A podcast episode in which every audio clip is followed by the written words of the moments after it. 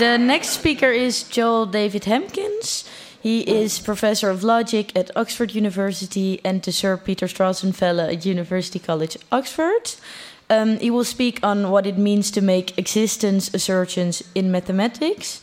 Um, he will lay out some of the back and forth in what is currently a vigorous debate taking place in the philosophy of set theory. Uh, this debate is on whether there is just one set theoretic universe underlying our mathematical claims, or whether there is a diversity of possible set theoretic worlds.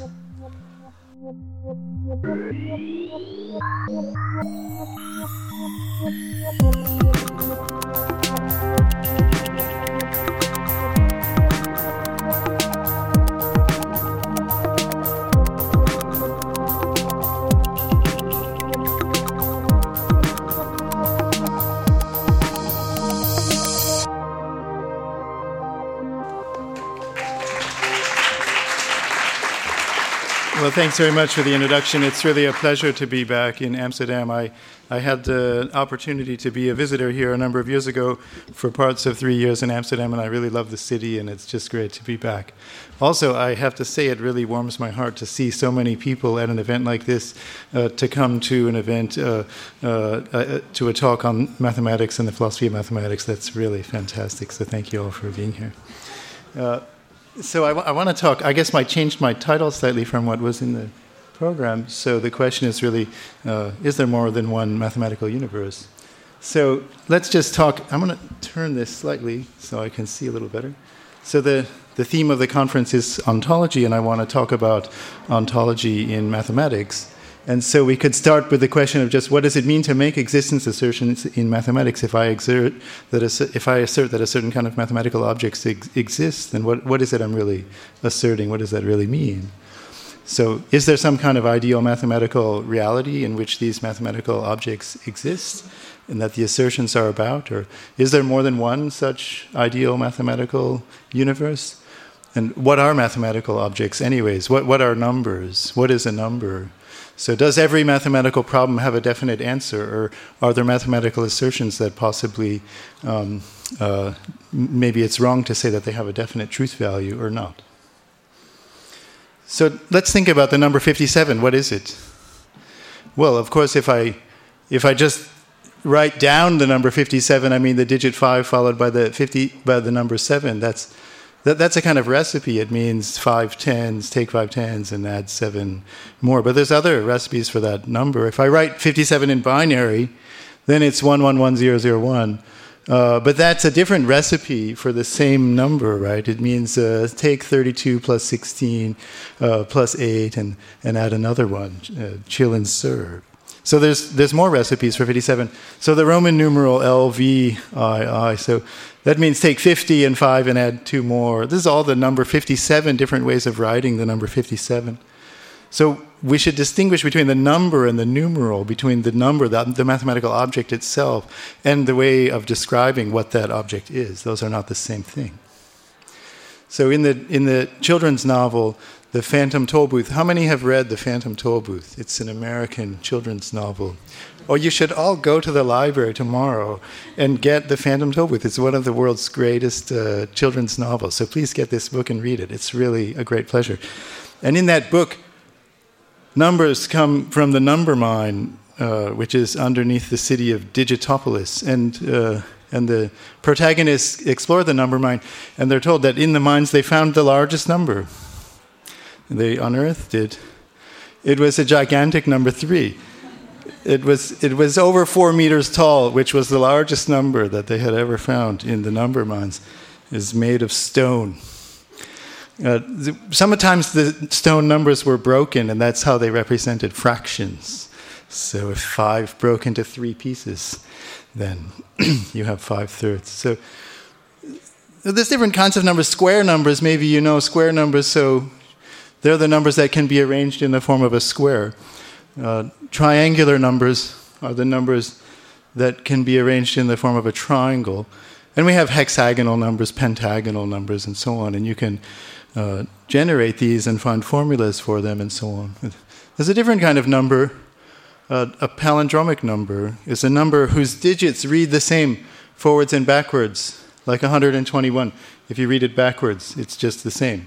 Or this number here, which I'm not going to pronounce. But it's like a palindrome, I prefer pi. If you read it forwards or backwards, it's the same. The mathematicians really like to think about square numbers and triangular numbers and so on. And, and oftentimes, mathematicians are a little less fond of palindromic numbers. And the reason is it's not really a property of numbers because it depends on the base. If I write a number that's a palindrome, but if I write it in binary, then it might not be a palindrome anymore. Or if I write it in base 7 or something. So, in fact, every number is a palindrome in a big enough base.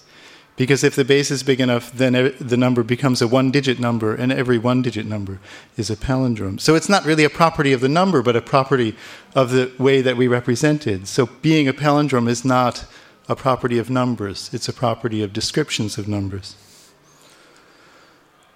So every number is a palindrome in any sufficiently large base. Okay, let's think about these fractions one half, three sixths. Well, this one is in lowest terms. I think you all know that. And this one isn't in lowest terms. But, but they're equal. Well, so how can that happen? Because one of them has a property that the other one doesn't have, but they're identical. So, how can you have things being identical if one of them has a property that the other one doesn't have? So, it, it's, of course, the resolution is that being in lowest terms is not a property of the number, it's a property of the way that we described the number. So the number that's being described by one half or three sixths, it's the same number, but the way that we described it in the first case is in lowest terms. It's a property of the fraction of the rational expression for the number, not a property of the number. It doesn't make sense to say, I have a rational number and it's in lowest terms. That doesn't make sense. The fraction is in lowest terms. The way you described it is in lowest terms.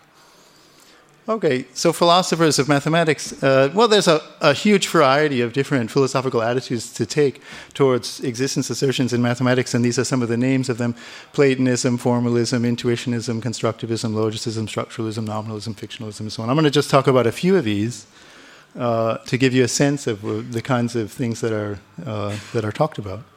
So, according to the philosophy of Platonism, numbers and other mathematical objects exist as abstract objects in this realm of ideal forms, Plato's, Plato's realm of ideal forms. So, in the if we were to draw a line or circle on paper, it would be imperfect. It would have some thickness. It wouldn't be perfectly round in the circular case. But in the Platonic realm, we have perfect lines and perfect circles, infinitely thin and perfectly straight or perfectly circular. And, uh, and we can imagine those perfect instances of these mathematical phenomena. So, and in that realm also, we might find numbers and functions and sets in that Platonic realm. Well, a different way of thinking about mathematical existence is the philosophy of structuralism. So, it, it, according to structuralism, it doesn't matter what numbers are. What matters, rather, is the structural roles played by those objects within a system, within a mathematical system uh, that has a certain structure. So, for example, if you think about the integer zero, well, it's the additive identity in the ring of integers. When you add it to any other integer, then you get that same integer back. So that's what it means to be zero. That's the structural property played by the number zero. That's what it means to be zero. It doesn't matter if you represent zero with a certain kind of mathematical object or a certain kind of physical object or whatever. Eh, zero is anything that plays that role of being the additive identity inside a structure that uh, has the properties of, uh, that are true in the integers. Here's a different property that also characterizes it. It's the only additive idempotent. So z plus z equals z is true only of zero.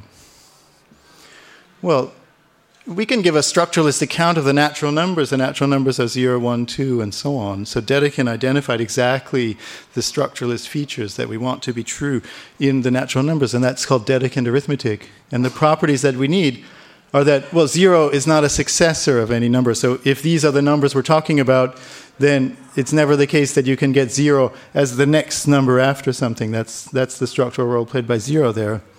And also the successor operation is a one-to-one operation. So if you if you got the same answer for the successor, then it must have been that you started at the same place. So that's what it means for the successor operation to be one to one.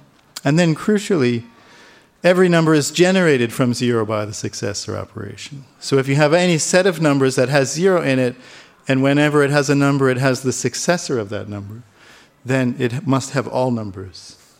So that's this is a version of the indu- what's called the induction axiom. And if you have these three properties, uh, then you can prove all of the familiar arithmetic truths. And this is what Dedekind did. You can develop all of arithmetic on the basis of just these axioms. You can define addition and multiplication, exponentiation. You can prove all of the familiar facts about prime numbers, everything. The entire theory follows from these three principles. But more than that, those those principles uh, uniquely characterize the, the natural number structure. They're, they're what's called categorical. So any two structures that have those properties are really copies of one another. They're isomorphic copies of one another.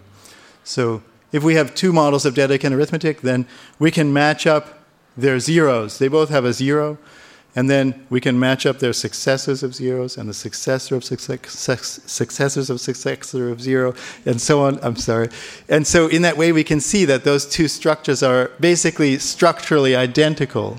And that's what it means for those axioms to characterize the natural numbers. So, according to the philosophy of structuralism, there isn't anything more that we have to say. What does it mean to be the number seven? Well, it means that in a structure that obeys Dedekind's axioms, it's the successor, successor of the successor. I'm sorry, I can't say it.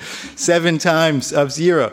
And so that's the structural role played by that number seven. And who cares what it is actually, what the number actually is? All we care is what is the role played by that number.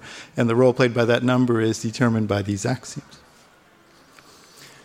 So Dedekind also had ideas on the real numbers, and th- what he thought was, well, if we take, say, the rational line, the rational number line, then any real number cuts that rational line into two pieces, the ones that are below it and the ones that are above it, or above or equal. So every real number is determined by a kind of how it cuts the rational numbers.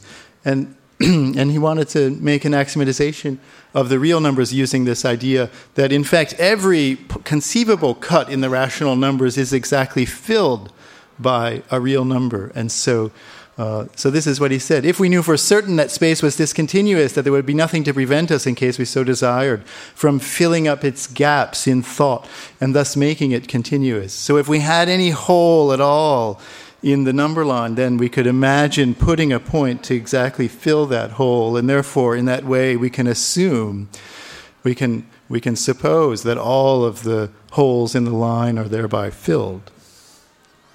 So, Russell had something to say about, about that idea, uh, and, and he carried Dedekind's ideas a bit further. Um, what he said, the method of postulating what we want, which is what he was saying Dedekind did by postulating that all the holes in the number line are filled uh, has many advantages. They are the same as the advantages of theft over honest toil. Let us leave them to others and proceed with our honest toil. And so, what, what Russell is accusing Dedekind of is, is merely assuming that the number line is already filled, whereas what Russell did was he said, well, let's, let's produce a number line in which all of the cuts are filled. And what he did was uh, he imposed a field structure on the class of all Dedekind cuts in the rationals and proved that it was a complete ordered field. And so he proved that there is a number line, all of whose cuts are filled. That's the honest toil. So on this account, a real number is a Dedekind cut. Well, there's an alternative continuity concept provided by Cauchy, inspired by the idea that every real number is a limit of the rational numbers that might approach to it. So uh, you can form what's called the Cauchy completion of the rational line using equivalence classes of Cauchy sequences. So different Cauchy sequences maybe converge to the same limit. So we say that they are equivalent to each other. And a real number is characterized by the collection of all possible sequences that converge to it in that way. So on this account, a real number is an equivalence class of Cauchy sequences. So it's different than Russell's conception of what a real number is. Well, Hilbert identified the natural properties that we want to be true in the real numbers. And, and in contemporary language, what he specified is that the reals should be a complete ordered field. So they should be a field, which means that they have a, an additive and multiplicative structure with certain properties like associativity and commutativity and distributivity. And also that um, there's multiplicative, non zero numbers should have multiplicative inverses and things like that. Um, and it should be complete in the sense of. Uh, Dedekind complete, or the least upper bound property. And it turns out you can prove that all complete ordered fields are isomorphic. So that's a categoricity result akin to Dedekind's thing. So every any two complete ordered fields are copies of one another. And that's important if you want to be a structuralist in, with respect to the real numbers. It's a categorical characterization of the real numbers. And so if I think about what is a real number, what is the number pi? What is it? I mean, as an object, if I hold it in my hand, or it, can I hold it in my hand? Or if I think about what these real numbers are, then this, the, you might ask, well, is it a Dedekind cut? According to Russell, it was a Dedekind cut. Is it an equivalence class of Cauchy sequences? Or is it a geometric length if you want to take a kind of geometric conception of what real numbers are? Uh, is it something else? But for the structuralist, it doesn't matter. The structuralist will say, take any complete ordered field, and then every, the elements in that complete order field play certain structural roles, and that's what a number is. And it doesn't matter which copy you use. You don't have to say what an individual number is. You have to describe the nature of the number system as a whole, and then the numbers are the structural roles played by the elements in that structure. Okay, so so, according to structuralism, as I said, real numbers are comprehended by the roles within the larger structure. If you think about the square root of 2, what is the square root of 2? Well, the square root of 2 is the number such that it's positive, and if you square it, you get the number 2. But what is 2? Well, 2 is 1 plus 1, and where 1 is the multiplicative identity. So I just gave a definition of the, a complete account of the structural role played by the square root of 2. And you can give such an account for any number. Um, for example, every rational number is definable uh, by, the, uh, by the quotient of its numerator divided by its denominator. And every real number is characterized by how it cuts the rational numbers, by, the, by specifying exactly which ones are below it and which ones are above it. And that uniquely characterizes that real number. So every real number is determined by how it cuts the rationals, and that's a structural role played by that number. And so, what if someone says, "What's a real number?" Then you can say, "Well, a real number is any element of a complete ordered field, and it doesn't matter which one you use, and each of those objects is determined by the structural role they play within that system." That's the structuralist answer. Well, given the real numbers, one proceeds, of course, to the complex numbers, motivating by the enticing possibility of having the square root of negative 1, which is terrifying to many students at first. Okay, so we want to look at complex numbers of the form a plus bi, where a and b are real numbers. Now, there's a kind of puzzle that enters into the complex numbers, though. It, I said i, the imaginary number i, is the square root of negative 1, which of course probably a lot of people could say, but then you can always reply. If anyone ever says i is the square root of minus 1, then you should just answer immediately by saying, which one? Because there's two. There's two square roots of negative 1. Because minus i is also a square root of, of negative 1. If you square minus i, then you factor out the minus 1, and that squares to 1, and so you get also minus 1. So i and minus i are both square roots of minus 1. And in fact, in a very robust sense, they play exactly the same structural role in the complex numbers because there's a complex conjugation, which is the, the process of replacing i with minus i. That is an automorphism of the complex numbers. It's an isomorphism of the complex field with itself by swapping i and minus i. And therefore, i and minus i have exactly the same structural role in the complex numbers. And so, how can the philosophy of structuralism handle this situation? What is the number i if you can't just say, well, it's the structural role played by that number in any uh, in the algebraic closure of the reals? Because i and minus i have exactly the same role in, in that sense. So that's a bit of a confusion, maybe. Maybe whenever whenever I'm talking about I and you're talking about I, maybe we mean different ones. How, how, would, how, do, how do you know that when I say, you know, e to the i pi or something, e to, e to the 2i, maybe it's your e to the minus 2i, and there's nothing that you could ever say that would answer that question. Those numbers are automorphic. i and minus i have exactly the same features.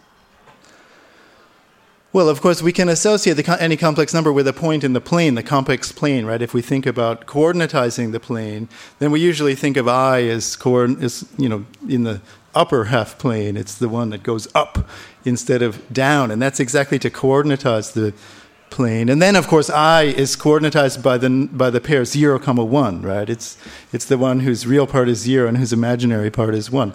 And so that shows you that actually the complex plane has more structure than the complex numbers as a field because it's coordinatized in that way. We've added extra information that distinguishes between i and minus i by coordinatizing it. Okay, well, we can, of course, interpret these pairs of points, which are just points in the plane, in the Cartesian plane. We can explain how to multiply them by this funny rule. And if you do that, then the, the point a comma b is just. Uh, uh, behaving exactly like the complex number a plus bi. This is the multiplication that you would want. If this was a plus bi and this was c plus di, then it would multiply exactly like this.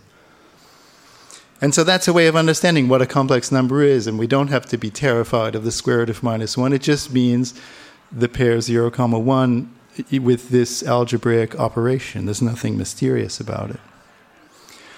And, and also, that shows how the complex numbers can be interpreted in R. And by adding this extra structure of the coordination, then we resolve the paradox of i and minus i both being square roots of minus 1. Okay, so, well, imagine that you die and go to heaven, and, and you're astonished to meet God. Who, who uh, informs you, well, yes, you were completely right about Platonism for the real numbers. They're right over there and, and there you see the Platonic ideal of the real numbers and e and pi and the square root of 2 and so on. You find all of the real numbers there existing in their perfect uh, ideal forms. But then God says, But you are wrong about Platonism for the complex numbers. You have to build them from the real numbers with pairs using the parentheses and comma and everything. And I like this story quite a lot, which I heard from Peter Koellner. Um, uh, because it, it's ludicrous that somehow our attitude about mathematical ontology sh- could be maybe different for the real numbers and the complex numbers, which it would be in this case. So we should have maybe the same kind of, a very similar attitude towards the real numbers and the complex numbers in terms of their ideal existence. Well, let me talk a little about type theory. So, of course, the natural numbers are contained in the integers, which are contained in the rational numbers, contained in the real numbers, contained in the complex numbers. And of course, that's not the end. You can make bigger uh, number systems than the complex numbers. Maybe we put the surreal numbers over here, or octonions, and so on. So, uh, well, if I have the number 57, which I'm thinking of as an integer, well, then it's also a real number. And is the integer 57 the same thing as the real number 57? Are they the same number? it's 57. I can think of it as an integer or I can think of it as a real number. And, and, the question is are those the same thing or are they different? Of course, the structural roles are different in those number systems. In type theory, the type theorists say yes, you should make distinctions. The, the integer 57 is not the same thing as the real number 57. You have to change the type. The integer 57 is an integer, not a real number. If you want to make it an integer, you need to transform it. So you need to talk about if this 57 is an integer, then this z comma q is is reinterpreting that integer as a real number. We sort of push it into that other realm and consider that the version of 57 over there in the real numbers. And so the type theorists would insist that we put all these type transformations on the numbers when we make number assertions. And so the question really is well, when we make a calculation, then are they all ridden through really with these invisible type adjusting uh, transformations?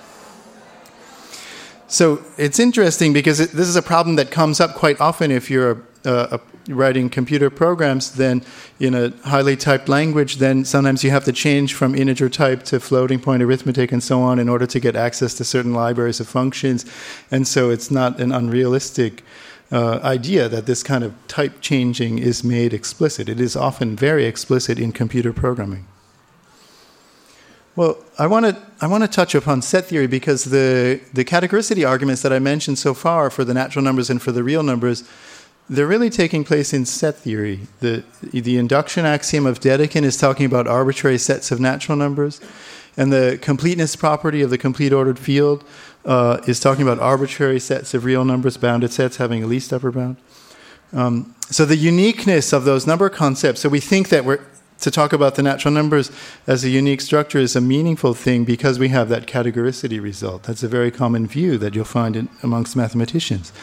But the uniqueness concept itself is, is riding upon the set theoretic conceptions. So, we, uh, so is that a problem for structuralism? The, the problem, as I see it, is how can we secure a definite number concept if that concept is relying on the comparatively murky concept of an arbitrary set of numbers, which the Dedekind conception does.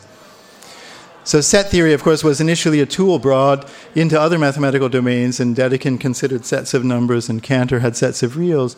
So, gradually, the capacity of set theory to express arbitrary mathematical structure observe, uh, emerged. And uh, at that time, set theory began to serve as an ontological foundation for the rest of mathematics. So, at a certain point, to be precise in mathematics came to mean to specify your problem in set theoretic language. A group is a set with an operation on the set having certain properties. A partial order is a set with a relation on that set having certain features. So, of course, Hilbert said of set theory, no one shall cast us from the paradise that Cantor has created for us in light of that capacity of set theory to express arbitrary mathematical structure.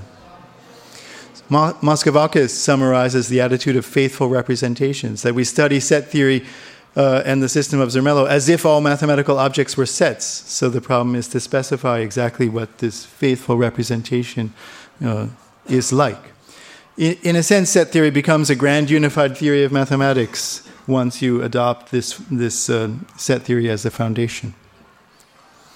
So, it was a it was a that unifying nature was an important historical development because as as mathematics became ever broader and fragmented into different realms algebra topology analysis and so on then it frequently was the case that mathematicians wanted to borrow theorems and results from one part of mathematics and prove theorems in another using those results but that's incoherent if the two realms are not part of one common framework, because maybe you would be led to inconsistency that way without a common underlying framework. And that's exactly what set theory was providing at that time. One can view all of those different kinds of mathematics as taking place in set theory uh, in this kind of unified corral or framework or arena in which uh, all mathematics can be viewed.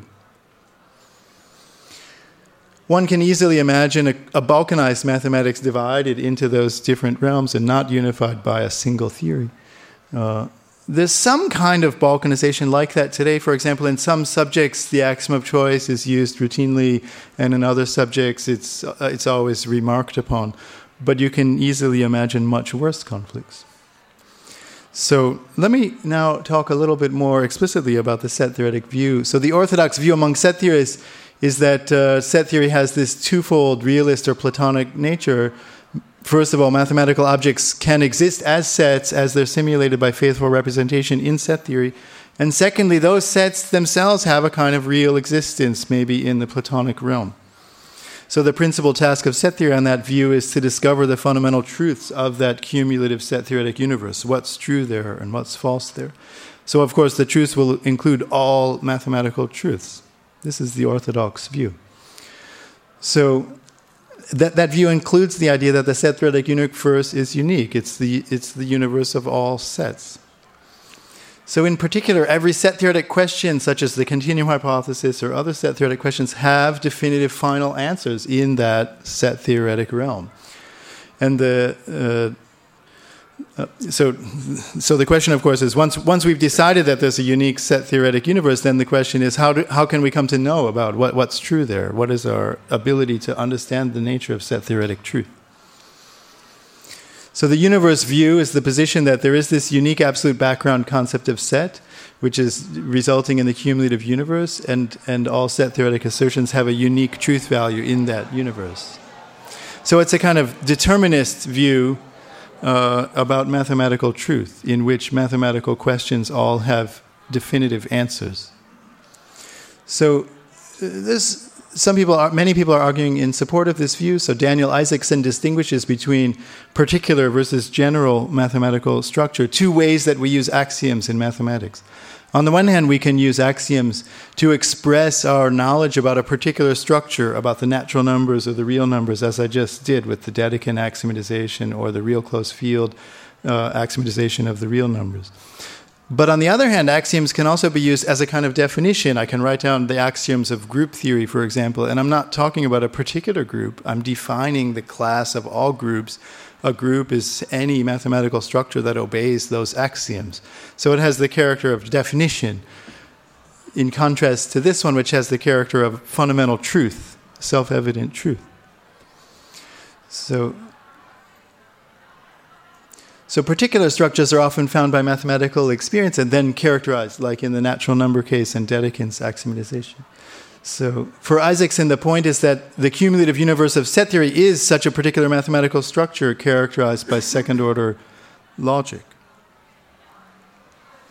So Tony Martin, for example, argues that at most one structure meeting the concept of set. So he has this axiom called the uniqueness postulate asserting that every set is determined uniquely by its members, and any two structures meeting the weak concept of set must agree.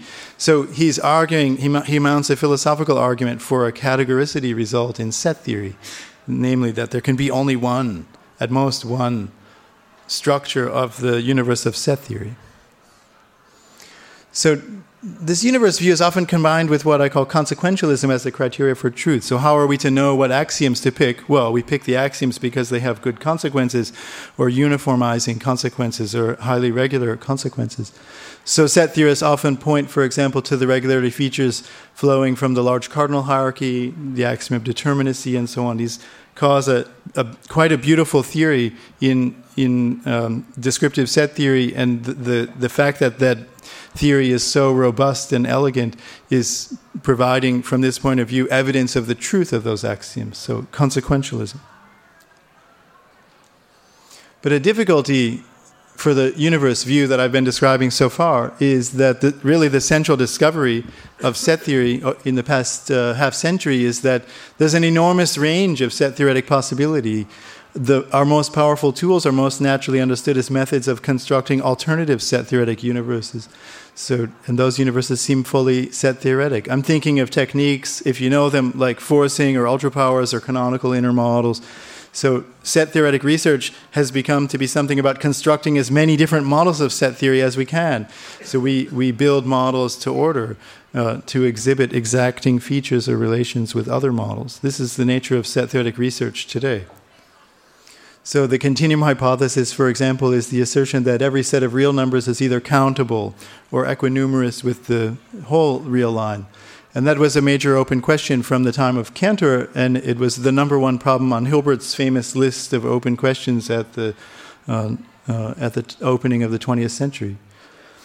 And it wasn't resolved until these two results, basically in 1938, Gödel proved that the continuum hypothesis holds in what's called the constructible universe, which is a kind of artificial set theoretic universe that he constructed specifically for the purpose of, of proving the axiom of choice and the continuum hypothesis holding in that structure.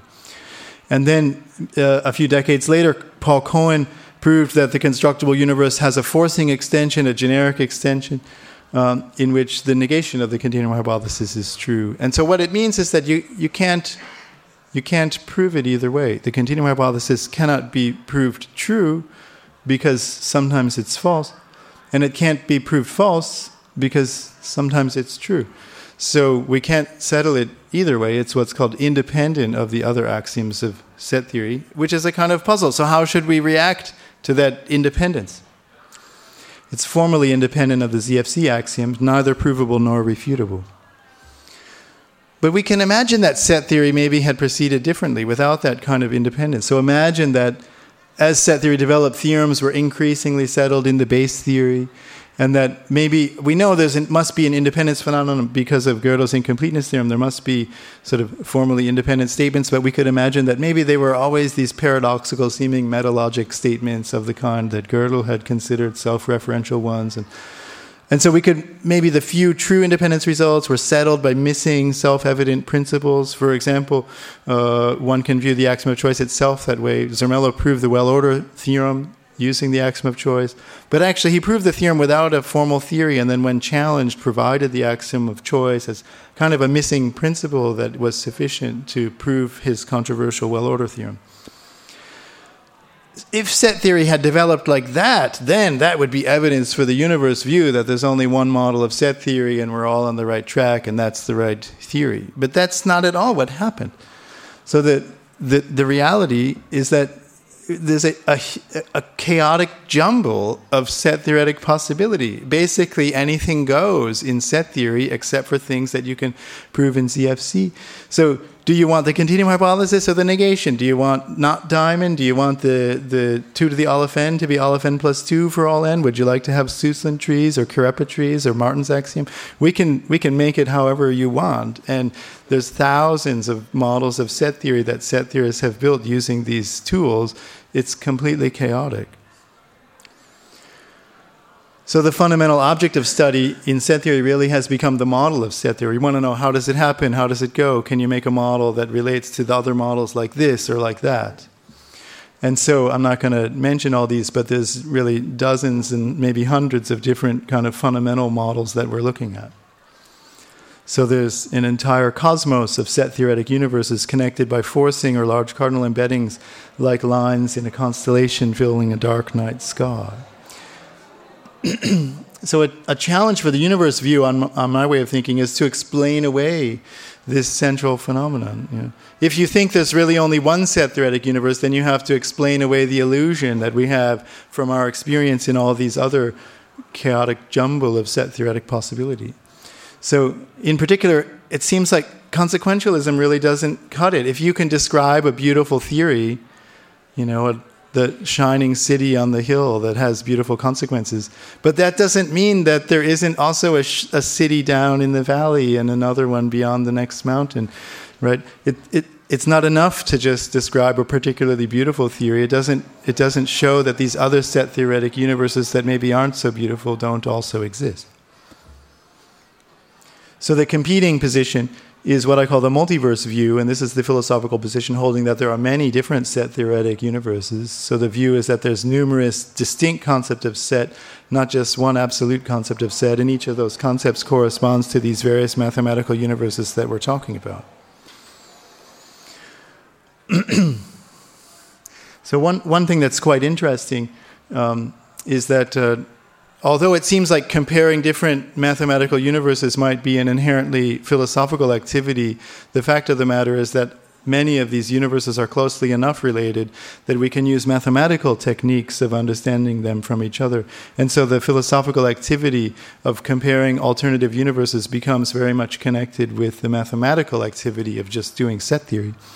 And so um, so, from a given set concept, we can produce relative to it other set concepts like the forcing extensions or the ultra powers or the inner models relative to that set concept. So, so this is the point that what, what might have been a purely philosophical enterprise becomes in part a mathematical one, and the philosophy of set theory well, as a subject, it, it, requires what I find to be a very pleasing mix of sometimes quite advanced mathematical ideas with philosophical matters. It's really a fusion of mathematics and philosophy. So the multiverse view can be seen as a brand of realism, right? The alternative universes that arise from all these different concepts of, of set can each be viewed as real, right? So one should separate the idea of Platonism or realism of mathematical objects from the idea that there's only one. One can be a realist and have many different real universes. There doesn't have to be only one. So you can be a Platonist without insisting that the universe is unique. There could be many alternative universes, each fully real. And I view that really as a kind of Platonism, namely Platonism really about universes. okay, so there's a very strong analog with Mark Balaguer's view. Uh, so this is what he writes: the version of Platonism that I'm going to develop in this book, I will call it plenitudinous Platonism, or alternatively full-blooded Platonism. It differs from traditional versions of Platonism in several ways, but all of the differences arise from out of one bottom-level difference concerning the question of how many mathematical objects there are. Full-blooded Platonism can be expressed very intuitively as the view that all possible mathematical objects exist. So, anytime you have a mathematical theory describing a coherent mathematical reality, then, on the view of full blooded Platonism or plenitudinous Platonism, there is a real mathematical reality that it is about. One can make an, an an analogy with geometry here. So, of course, historically, geometry was about uh, the the geometry of physical space. I think that's how most geometers took it classically. Uh, but but the fundamental concepts really shattered with the rise of non-Euclidean geometry, and then it splintered into various kinds of non-Euclidean geometry, spherical geometry, hyperbolic geometry, and so on. We had many different geometries. And, uh, and of course, at first, one can prove a consistency argument. You can simulate spherical geometry inside Euclidean geometry, where you reinterpret a line in spherical geometry to be about a great circle on a sphere, as embedded in Euclidean space. So that's one way of proving that non Euclidean geometry is consistent relative to Euclidean geometry. You can actually do it the other way, too. You can simulate Euclidean space inside non Euclidean geometry, it goes both ways. So in time, geometers accepted these alternative geometries more fully as, as genuine geometry. You can live inside them and learn about what it's like. You can go on YouTube and find videos about what it's like to walk around inside hyperbolic space and, and develop very strong mathematical intuitions about that. So, so those alternative geometries are not illusory, they're real and they're different and, and they exist sort of side by side.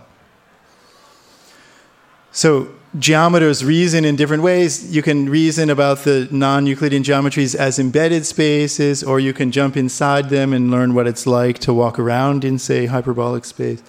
Or you can study them abstractly using isometry groups, and this is usually how the geometers look at them. And each of those modes of reasoning has an analog in set theory, so we can understand, say, forcing extension from the perspective of the ground model, that's like an embedded version or we can understand it by jumping inside the forcing extension and what is it like to live in there. Or we can understand the nature of forcing extensions by analyzing the properties of the Boolean algebra that gave rise to it. So this is what Isaacson says about the about the parallel postulate, the difference between Euclidean and non-Euclidean geometry. So the independence of the fifth postulate reflects that that's the parallel postulate reflects the fact that there are different geometries, uh, in one of which the parallel postulate holds, in others of which it's false. It makes no sense to ask whether the parallel postulate is really true. That makes no sense because it's sometimes true, sometimes false. Right? So whether or not it holds is a matter of which geometry we're in. Okay, then by contrast, the independence of the continuum hypothesis does not establish, according to Isaacson, the existence of a multiplicity of set theories. In a sense, made precise and established by the use of second order logic, there is only one set theory of the continuum, and it remains an open question whether in that set theory CH holds or not. So he's strongly asserting that there's only one set theoretic reality, and CH is either true or false there, but we've got to figure out which one it is.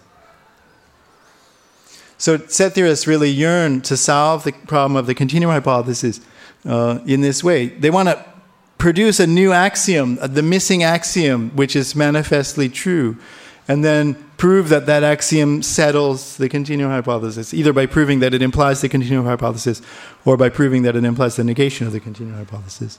So we want to find the missing principle and then from that principle settle the CH. And then, of course, CH would be settled because we would all accept the new axiom because it's manifestly true, and therefore we would also accept the consequences of that axiom. That's the dream. Everybody wants this dream.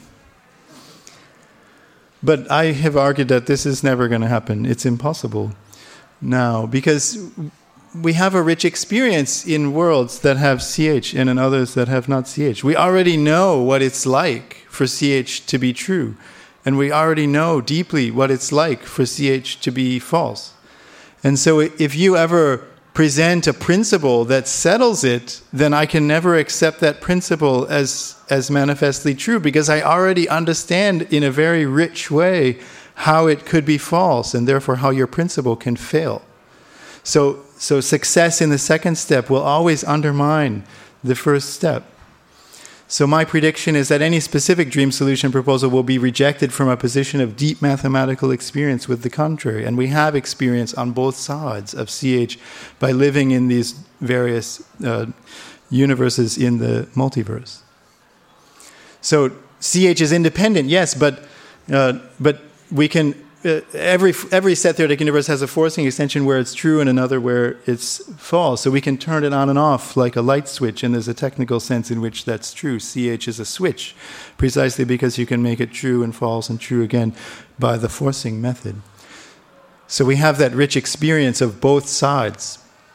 And so it's not just that it's independent and that's the end, we don't know which way it goes, we can prove that we can't settle it. That's not our situation. Our situation is this rich experience on both on both sides. It would be like someone having an axiom implying that only Brooklyn existed. But but I already know about Manhattan and Queens and the Bronx, and I know they exist already. And so if you give me an axiom that says only Brooklyn exists, then I'll say that your axiom is wrong because I've been in Midtown. So therefore, the dream solution cannot succeed. Uh, okay, so on the multiverse perspective, the continuum hypothesis question is settled. It's wrong to describe it as an open question. And the answer consists precisely of this detailed information that I've been talking about, about how to go from any model to a model where CH is true or where it's false, and how to do so while preserving other mathematical features that we're interested in. So that is the answer to the CH question. How does it behave in the multiverse? So, of course, I'm not saying we know everything there is to know about the continuum hypothesis, and there's many fascinating questions about it that are open, but the most important essential facts about it are very deeply understood. So, about mathematical truth, fine, we, can, we can't prove, we can neither prove nor refute the continuum hypothesis. It's independent of the others of the ZFC axioms. But still, people want to know is it true or not? But what the main message I want to leave you with is that it seems like an innocent question to ask is the continuum hypothesis true or not? Uh, but actually, interpreting that question sensibly leads to these very difficult questions about mathematical ontology and the nature of mathematical truth that I've been discussing. And ultimately, the question becomes do we have just one mathematical world or, or many? So, thank you very much.